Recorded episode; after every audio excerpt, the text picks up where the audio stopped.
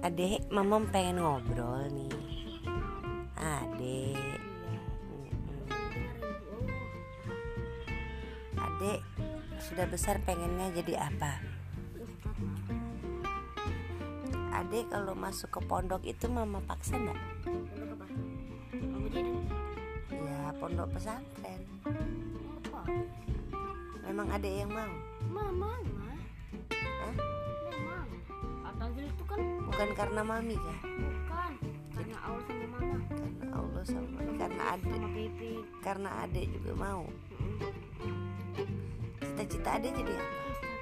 Ustad selain jadi ustad apa? Apa?